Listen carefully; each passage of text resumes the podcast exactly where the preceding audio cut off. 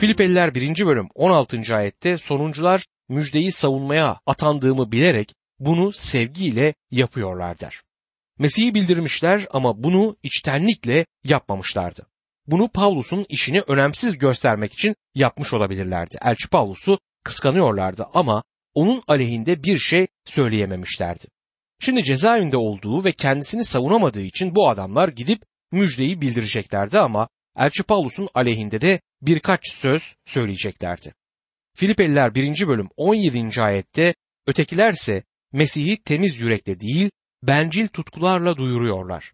Böylece tutukluluğumda bana sıkıntı vereceklerini sanıyorlar der. Var olan iki grup bunlardır. Elçi Pavlus'un bunlara karşı tutumu nedir? Filipeliler 1. bölüm 18. ayet. Ama ne önemi var? İster art niyetle ister içtenlikle olsun her durumda Mesih duyurulmuş oluyor. Buna seviniyorum, sevineceğim de der. Elçi Paulus için önemli olan ister gerçekten iyi ve dürüst bir motivasyonla, ister kötü niyetli olsun Mesih'in bildirilmesiydi. Zaman zaman Mesih'in kıskançlık ve çekişmeden ötürü bildirilmesi üzücüdür. Bugün de hala bu şekilde Mesih bildirilmektedir ama yine de Mesih bildirildiği için her zaman hala sevinebiliriz. Kadın vaizlere kesinlikle karşıyım.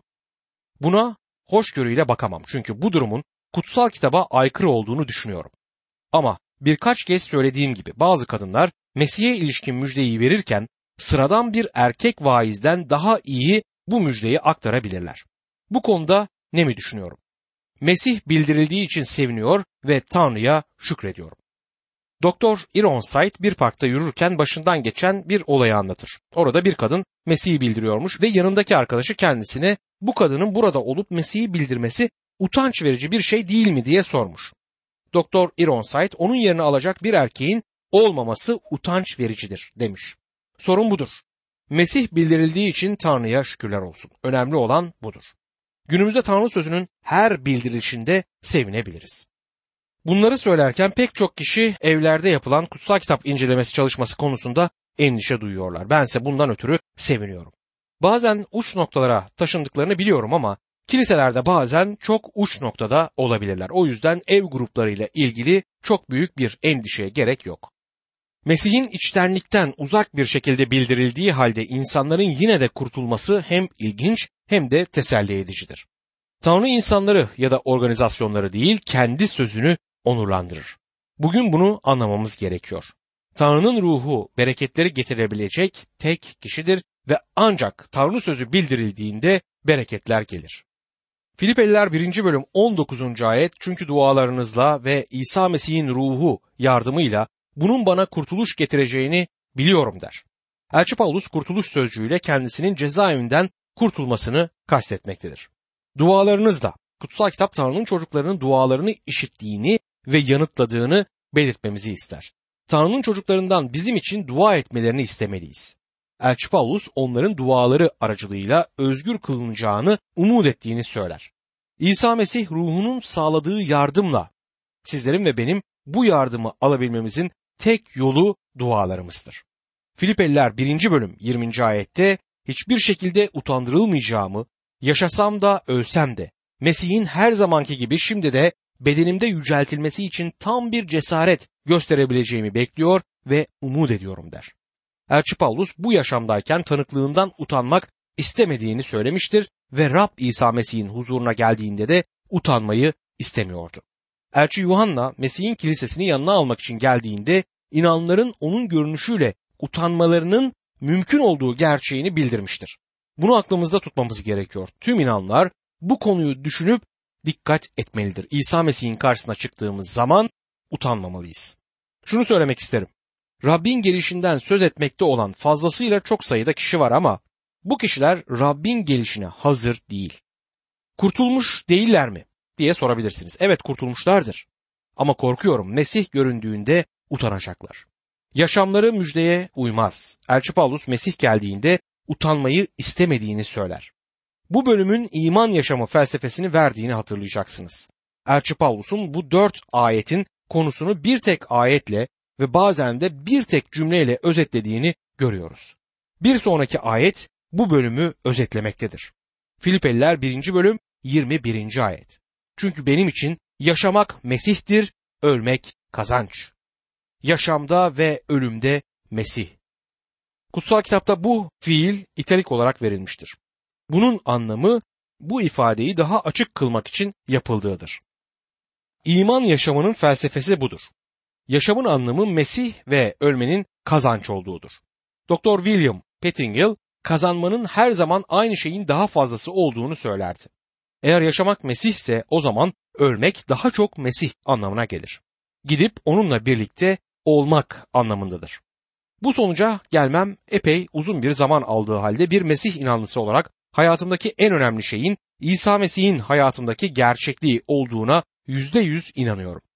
Bu günümüzde fazla popüler bir şey değil. İnsanlar bunun yerine adanmış olmak, ona hizmet etmeyi istemek, şunu ya da bunu yapmaktan söz etmeyi seçerler ama en önemli şey sevincinizin tam olması için onunla paydaşlık içerisinde olmaktır. O zaman güçlü bir tanıklığınız olacaktır. Sorun birçok kişinin sonucu isteyip oraya giden yolu unutmasıdır. Bu durumda yol Rab İsa Mesih ile paydaşlıktır. Bütün diğer şeyler bu paydaşlığın meyveleridir. Benim için yaşamak Mesih, ölmek ise gidip onunla birlikte olmaktır. Şimdi Elçi Paulus'un neden kendisine yöneltilen eleştirilerden ötürü rahatsız olmadığını anlamaktayız. İsa Mesih ile paydaşlık içinde olan bir adamı incitemezsiniz. Kim böyle bir adama ne yapabilir ki? Çünkü benim için yaşamak Mesih ve ölmek kazançtır. Üzerinde yaşanacak yüksek bir düzeydir diyor. Keşke ben o düzeye erişmiş olduğumu söyleyebilseydim. O yoldayım ama daha oraya varmadım. Ancak oraya varmak benim hedefim. Ve bu çok görkemli bir hedeftir. Filipeliler 1. bölüm 22. ayette hayatta kalırsam yararlı işler yapacağım. Ama hangisini seçeceğimi bilemiyorum diyor. Elçi Paulus tıpkı sizler ve benim gibi geleceğinde neler olduğunu bilmez. Bir tek günün ne getireceğini bilmiyoruz. Filipeliler 1. bölüm 23 ve 24. ayetlerde. İki seçenek arasında kaldım. Dünyadan ayrılıp Mesih'le birlikte olmayı arzuluyorum. Bu çok daha iyi ama hayatta kalmam sizin için daha gereklidir der. Elçi Paulus Rabbin yanına gitmekle ki bu iki seçenek arasında daha istediği budur. Filipili inanların kendisine ihtiyaçları olduğu için onlarla birlikte kalmak arasında bocalamaktadır. Doktor Vernon Maggie şöyle der. Kanserdim ve ameliyat oldum. Bu ameliyatım sırasında bir hanımdan herkesin iyileşmeniz için dua ettiğini biliyorum ama ben Rabbin sizi evine alması için dua ediyorum. Çünkü Mesih'le birlikte olmak çok daha iyidir diyen bir mektup almış. Ona yazıp buna Rabbin karar vermesine izin verir misiniz lütfen? Ben kalmak istiyorum demiş. Tanrı sözünü bildirmek için bir süre kalmak istiyorum. Ancak şimdi hizmetimin en iyi yerine geldim ve onu bırakmayı istemiyorum. Tanrı'dan bu hizmette kalmama izin vermesini istiyorum. Bunun bir Tanrı çocuğu için normal bir duygu olduğuna inanıyorum. Bu olay bana zencilerden oluşan bir kilisede gerçekleşen bir olayı hatırlattı. Vaiz bir gece kaçınız cennete gitmeyi istiyor diye sorar. Bir çocuk hariç herkes elini kaldırdı. Vaiz kendisine sen cennete gitmeyi istiyor musun diye sordu. Çocuk tabii ki istiyorum ama bu akşam gidecekleri toparladığınızı sanıyorum dedi diyor. Hepimiz cennete gitmeyi istiyoruz ama şimdi değil. Filipeliler 1. bölüm 25 ve 26. ayetlerde. Bundan emin olarak kalacağımı biliyorum. İmanda gelişip sevinmeniz için hepinizle birlikte olmaya devam edeceğim. Öyle ki tekrar yanınıza geldiğimde Mesih İsa'da benimle daha çok övünebilesiniz der. Elçi Paulus pratiktir. Daha yapılacak işleri vardır. Bu insanların onun hizmetine ihtiyacı olduğunu söyler. Cezaevinden çıkıp yeniden onlarla birlikte olmayı ister.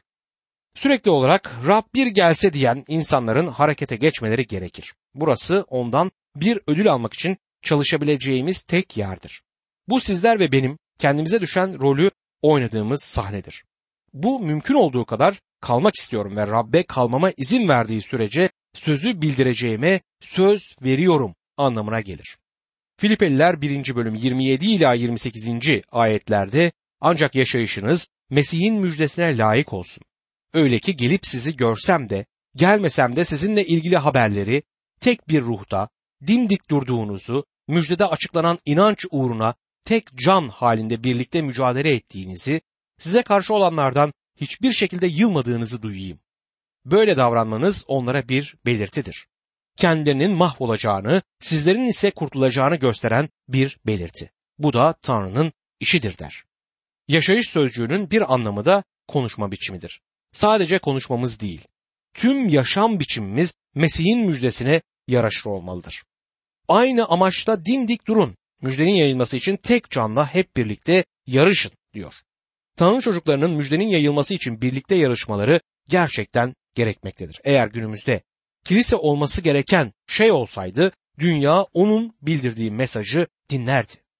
Müjdede açıklanan inanç uğruna mücadele etmemiz gerekiyor. Filipeliler 1. bölüm 29 ve 30. ayetlerde. Çünkü Mesih uğruna size yalnız Mesih'e iman etmek değil, daha önce bende gördüğünüz ve hala sürdürdüğümü duyduğunuz zorlu çabanın aynısını göstererek Mesih uğruna acı çekmek ayrıcalığı da verildi diyor. Mesih'in size kendisi için acı çekmenize izin verdiği yere geldiğinizde varmışsınız demektir. Bu Mesih'teki yüksek çağrıdır. Elçi Paulus'un Mesih uğruna acı çekmesinin ne demek olduğunu bildiği kesindir. Mesih için acı çekmek, Tanrı'nın sizden yüzünü çevirdiğinin bir belirtisi değil, Tanrı'nın bereketlerinin bir belirtisidir. Bu iman yaşamı felsefesini gördüğümüz bölümün sonunu oluşturur. Bu bölüm benim için yaşamak Mesih, ölüm kazançtır diyen ayetle özetlenir. Filipeliler ikinci bölümde Hristiyan yaşamı için bir kalıp vardır. Birinci bölümde iman yaşamının benim için yaşamak Mesih, ölmek kazançtır ayetinde özetlenen felsefesini gördük. Mesih Pavlus'un yaşamının merkeziydi. Şimdi bu bölümde göreceğimiz gibi Mesih'in düşüncesi olan iman yaşamının kalıbına geldik. Bahsettiğimiz bu konu taklitle yapılabilecek bir şey değildir. Şimdilerde insanların İsa'yı izlemekten söz ettiklerini duyuyorum. Bazen insanlara bunu söylediklerinde ne demek istediklerini sormak isterim. Özellikle de yaşamları söylediklerine uymadığında. İsa'yı taklit etmeye mi çalışırlar? Elçi Paulus Mesih'in iman yaşamının kalıbı olduğunu söylediğinde taklitten söz etmediğinden eminim. Yani Mesih'in düşüncesi bizim içimizde olmalı ve bizim içimizde olmasının tek yolu da Tanrı'nın ruhunun gücü aracılığıyla yaşamamızdır. Uzun bir süre önce birisinin bir şey yaptığında bunların sadece iyi yapılmamakla kalmayıp yanlış yapıldığını da öğrendim. Her zaman bu böyledir. Bazen inatçı olmakla suçlanabiliriz ve kendi isteklerimizin doğrultusunda hareket etme yatkınlığımız var. Ama bunu yaptığımızda bir yerimiz incinir ve Ya Rab şimdi durumu senin ele almana hazırız deriz. Rabbin durumu kendi eline alışını görmek harikadır. Geriye çekilip Tanrı'nın ruhunun hareket etmesini seyretmeyi öğrenmemiz gerekir. Bu hiçbir şey yapmadan sadece oturmamız anlamına gelmez. Tabii ki Tanrı'nın bize gerçekleştirmemiz için vermiş olduğu programı yerine getirmeyi sürdürürüz ama güç ve dinamik Tanrı'nın ruhundan gelir. Bu bölümde kutsal kitapta Mesih'in kişiliği hakkında yer alan en önemli bildirilerden biri yer alır. Ve bu teolojik bildiriden yüzyıllardan günümüze gelen en büyük tartışmalardan biri olur. Hatta bu büyük bir olasılıkla Avrupa'yı ikiye bölen düşüncedir. Bunu yapmakta başka her şeyden daha fazla etkisi olduğu kesindir. Yayılan teori Mesih'in beden alıp insan oluşunda tanrılığını bir kenara bıraktığı anlamına gelen kenosis teorisidir. Bu bölüm Mesih'in tanrılığını bir kenara bırakmadığını açıklığa kavuşturmaktadır. Bu tartışmalı konuya geçmeden önce pratik yöne bir bakalım. Bu pratik bir mektuptur. Filipeliler 2. bölüm 1. ayet şöyle der. Böylece Mesih'ten gelen bir cesaret, sevgiden doğan bir teselli ve ruhla bir paydaşlık varsa, yürekten bir sevgi ve sevecenlik varsa diyor. Buradaki varsa sözcüğü eğer anlamına gelir. Paulus'un eğer sözcüğünü bir şarttan çok bir tartışma olarak kullandığını görmekteyiz. Elçi Paulus mantıklı düşünen birisidir. Eğer Paulus'u mantıklı bulmuyorsanız yazdıklarını doğru okumadığınızı söyleyebilirim. Bu ayeti Mesih'te bir cesaret olduğundan, sevgiden doğan bir teselli olduğundan, ruhla bir paydaşlık olduğundan, yürekten bir sevgi ve sevecenlik olduğundan diye de söylememiz mümkündür. Elçi Paulus şimdi bütün bunları göz önünde bulundurarak Filipeliler 2. bölüm 2. ayette şöyle devam eder. Aynı düşüncede, sevgide, ruhta ve amaçta birleşerek sevincimi tamamlayın. Cezaevinde olduğu halde Rab'de sevinir ama müjdenin Filipili imanların yaşamlarında etkin olduğunu bilseydi daha da çok sevineceğini söyler. Düşünce birliğiyle davranın. Akıllarınız uyumda, düşünceniz tek doğrultuda olsun sözleri bize gösteriyor ki Filipi kilisesinde bazı sorunlar vardır. fazla değil ama biraz sorun bulunur. Elçi Paulus onların aynı düşüncede olmalarını ister çünkü. Onlardan birbirlerinin fotokopileri olmalarını istemez. Kiliselerin çoğunda iki tür insan vardır. Bir grup çobanı savunur, diğer grup ise çobana karşıdır. Bu grupları oluşturan kişiler kendi başlarına düşünmezler. Grup liderlerinin fotokopileri gibidirler. Aynı düşüncede olmak Mesih'in düşüncesinin sizde olmasına izin vermektir. Bu dışa vurumlarda, armağanlarda, hizmet yöntemlerinde hatta küçük doktrinlerde farklılıklara izin verir. Bu noktalarda aynı görüşte olmadığımızdan ötürü birbirimizin kafasına vurmayız. Eğer Mesih'in düşüncesine sahipsek imanın önemli noktaları üzerinde görüş birliğine varırız. Filipeliler 2. bölüm 3. ayette hiçbir şeyi bencil tutkularla ya da boş övünmeyle yapmayın. Her biriniz alçak gönüllülükle öbürünü kendinden üstün saysın der. Elçi Paulus daha önce de bazı insanların Mesih'i kıskançlık ve çekişmeden ötürü bildirdiğini söylemişti. Şimdi hiçbir şeyi sürtüşme, bencil tutkular ya da boş övünmeyle yapmayın der. Bana kalırsa günümüzde kilisedeki sorunların çoğu doktrinsel farklılıklardan ötürü değildir. Kıskançlık ve çekişmeden ötürü bu sorunlar oluşur. Bazı insanlar doğal olarak sorun çıkartmaktadırlar. Hiçbir şeyi sürtüşmeyle, boş böbürlenmeyle, bencil tutkularla yapmayın diyen bu buyruğu yerine getirebilirsek, bunun günümüzde kiliselerdeki sorunların yüzde doksanını hatta yüzde yüzünü çözeceğine inanıyorum. İnanlar topluluğunda bir şeyi çekişmeyle, sürtüşmeyle yapıyorsanız hiç yapmasanız daha iyidir. Aynı şeyi eğer kabul görmek için yapıyorsanız yine bu geçerlidir. Hiç yapmayın daha iyi. Yani başkaları tarafından takdir edilmek, kabul görmek için yapıyorsanız bunları yapmayın.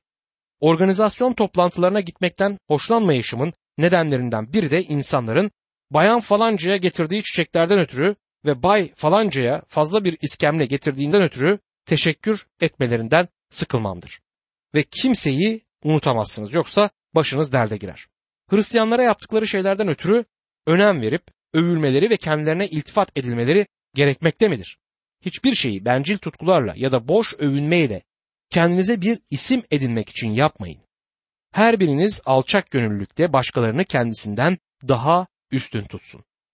Belki Efodia ile Sintiye arasındaki sorun buydu. Belki de her ikisi de diğerinin kendisine üstün baktığını sanıyordu. Eğer bu ayete yani her biriniz alçak gönüllülükle başkalarını kendisinden daha önemli tutun ayetine itaat edilirse bunun inanlar topluluğundaki sorunların çoğunu çözeceğine inanıyorum. Neden bana vaaz verme görevi vermiyorlar? Ben ötekilerden daha iyi vaaz veririm. Eğer bu ayet uygulansaydı bu tutum ortadan kalkardı. Aynı şey kurallar ve komitelerdeki sorunlar için de söylenebilir. Bazı kiliselerdeki kilise yetkilileri arasında güç mücadelesini ortadan bu yaklaşım kaldıracaktır. Filipeliler 2. bölüm 4. ayet yalnız kendi yararını değil başkalarının yararını da gözetsin diyor. Başkaları. İşte bu önemli bir sözcüktür. Başka bir radyo yayıncısından içinde radyo yayınlarımız için bir bağış bulunan bir mektup almak beni mutluluk ve hayretler içinde bırakmıştı. Bize yayınınız büyük bir bereket oluyor diye yazdı. Ben bu adamın yayını hakkında hiçbir şey bilmiyorum ama kişiliği hakkında bir şeyler artık söyleyebilirim. Bunu yaparak Mesih'in düşüncesini sergilemiştir. Yalnız kendi yararını değil, başkalarının yararını da gözetsin. Mektubu benim için oldukça alçak gönüllü, teşvik edici bir deneyim olmuştur. Bu parçanın anahtarı başkalarıdır. Başkaları sözcüğünü ilk önemli kılan Mesih inancıdır. Mesih neden cennetin görkeminden bu dünyaya gelmiştir? Başkaları için. Bizler neden müjdeyi yaymalıyız? Başkaları için. Kendimiz yerine başkalarını düşünmek Mesih'in düşüncesidir. Mesih'in düşüncesi alçak gönüllülüktür. Şimdi bizlere Mesih'in düşüncesinden bu bölümde söz edilecektir. Filipeliler 2. bölüm 5. ayet. Mesih İsa'daki düşünce sizde de olsun diyor. Mesih'in düşüncesini niteleyen bir tek şeyi söyleyecek olsak acaba bu ne olurdu? Alçak gönüllülük. Bize aldığınız çağrıya yaraşır biçimde yaşayın denilen Efesliler 4. bölümü hatırlayın. Sonra şu şekilde tanımlayarak devam eder. Her zaman alçak gönüllü, yumuşak huylu ve sabırlı olun. Birbirinize sevgiyle, hoşgörüyle davranın. Mesih'in düşüncesi işte budur. Siz ve ben alçak gönüllü olmalıyız. Bizler yumuşak başlı olmalıyız. Bizler bu şekilde yaratılmamışız. Bizler iki ayağımızın üzerinde durup söz hakkımız olmasını istemekteyiz. Hepimiz böyleyiz. Böyle olmadığınızı söylemeyin çünkü siz de öylesiniz. Hiçbirimiz başkaları tarafından eleştirilmek, küstürülmek, gücendirilmek istemeyiz. Hiçbirimiz görmezlikten gelinmek istemeyiz. Büyürken üzerimize basılmışsa daha küçüklükten getirdiğimiz bazı takıntılarımız vardır. Harika bir vaizin oğlunun serseri olduğunu duydum. Neden mi? Çünkü çok parlak bir ağabeyi vardı. Bu çocuk her zaman abisinin yaptığı harika şeylerden söz edildiğini işitiyordu. Bunun üzerine o da tam tersi yöne yönelip buna isyan etti. Bu doğal insanın doğal tepkisidir. Bu çocuğa dinle oğlum bütün bunları görmezlikten gel demenin bir yararı olmaz. Bunları görmezlikten gelmeyecek. Yeniden doğmamış biri alçak gönüllü konumu almaya istekli olmaya yanaşmaz. Şimdi kutsal kitaptaki en büyük teolojik bildirilerden birine geldik. Bazıları bunun İncil'de Mesih'in kişiliğiyle ilgili en önemli teolojik bildiri olduğunu söylerler ve adına boşaltılma anlamına gelen kenosis ismini verirler. Bu parça Mesih'in kendisini tanrılığından boşaltmadığını açıklığa kavuşturacaktır. Bizlere Mesih'in attığı yedi kendisini alçaltma adımını gösterecektir. Bundan sonraki birkaç ayette söylenilenlerin büyüklüğünü size açıklayabilecek konumda olmayı çok isterdim. Ne kadar yüksek olduğunu ve ne kadar alçağa indiğini kavrayabilmemizi çok isterdim. Bilinen uzaydaki milyarlarca ışık yılı onun gelmiş olduğu uzaklıkla kıyaslandığında hiçbir şey değildir. Burada aşağıya inen yedi adım görüyoruz. Sonra bize yukarı çıkan yedi adım da anlatılacaktır. Mesih'in yüceltilmesi için atılan yedi adım. Öyleyse önce kendini alçaltmakta Mesih'in düşüncesini görürüz. Sonra Tanrı'nın düşüncesini göreceğiz. Rab İsa Mesih'i yüceltmek Baba Tanrı'nın düşüncesidir. Kendinizi Tanrı'nın isteğine koymak için ne yapmanız gerektiğini bilmek istiyorsanız, nereye gitmeniz gerektiğini ya da ne yapmanız gerektiğini bilmiyorum ama size şunu söyleyebilirim. İsa Mesih'i yüceltmek Baba Tanrı'nın amacı olduğundan bunun her birimiz için Tanrı'nın isteği olduğuna inanıyorum. Nerede olursak olalım, ne yaparsak yapalım İsa Mesih'i yüceltmemiz gerekir. İsa Mesih'i yüceltmek olan bu nihai amaçta babayla birlik içinde olmamız gerekiyor. Aşağıya doğru inen ilk adım cennetin görkemini bırakıp aşağıya ta bizim olduğumuz yere kadar yeryüzüne gelişiydi. Sizler ve ben cennetin görkeminden bu yeryüzüne kadar aşağılara inmenin nasıl bir şey olduğunu aklımızdan, hayalimizden bile geçiremeyiz. Rabbimizin bizler için gerçekten neler yaptığını anlamak insan anlayışının çok çok ötesindedir. Filipeliler 2. bölüm 6. ayette Mesih Tanrı özüne sahip olduğu halde Tanrı'ya eşitliği sımsıkı sarılacak bir hak saymadı der. Bunun biraz abartılı bir tercüme olduğunu itiraf etmeliyim. Mesih Baba Tanrı'nın sağında oturduğunda konumuna sarılmıyordu. Kendisine ait bir eksiklikten ya da kendisiyle mücadele eden birinin yeteneği ya da hırsından ötürü tanrılıktaki yerini kaybetme tehlikesi diye bir şey de yoktu. Tanrı olmayı öğrenmek için okula gitmedi. Oraya başka bir konumdan yükselmemişti. O Tanrıydı. Rab İsa baba Tanrı'ya ben 33 yıllığına giderken yerime göz kulak ol. Cebrail'e dikkat et sanırım benim yerimi almaktan hoşlanacak gibi bir şey söylemedi. Saygısızlık etmiyorum. Bu konumun sarılması gereken bir şey olmadığını size göstermeye çalışıyorum. Bu konum ona zaten aitti. İsa Mesih zaten Tanrı'ydı. Konumunu isteksizce de bırakmadı. Hiçbir zaman cennetten ayrılmayı hiç istemiyorum. Bu yolculuğa gitmeyi istemiyorum demedi. O sevinçle geldi. İbraniler 12. bölüm 2. ayetin sonunda o kendisini bekleyen sevinç uğruna utancı hiçe sayıp çarmıhta ölüme katlandı der. İbraniler 10. bölüm 7. ayet yine aynı şekilde o zaman şöyle dedim. Kutsal yazı tomarında benim için yazıldığı gibi senin isteğini yapmak üzere ey Tanrı işte geldim diye yazar. Bu dünyaya sevinçle geldi. Yeryüzüne geldiğinde sarılmayı istediği bir şeyi bırakmıyordu.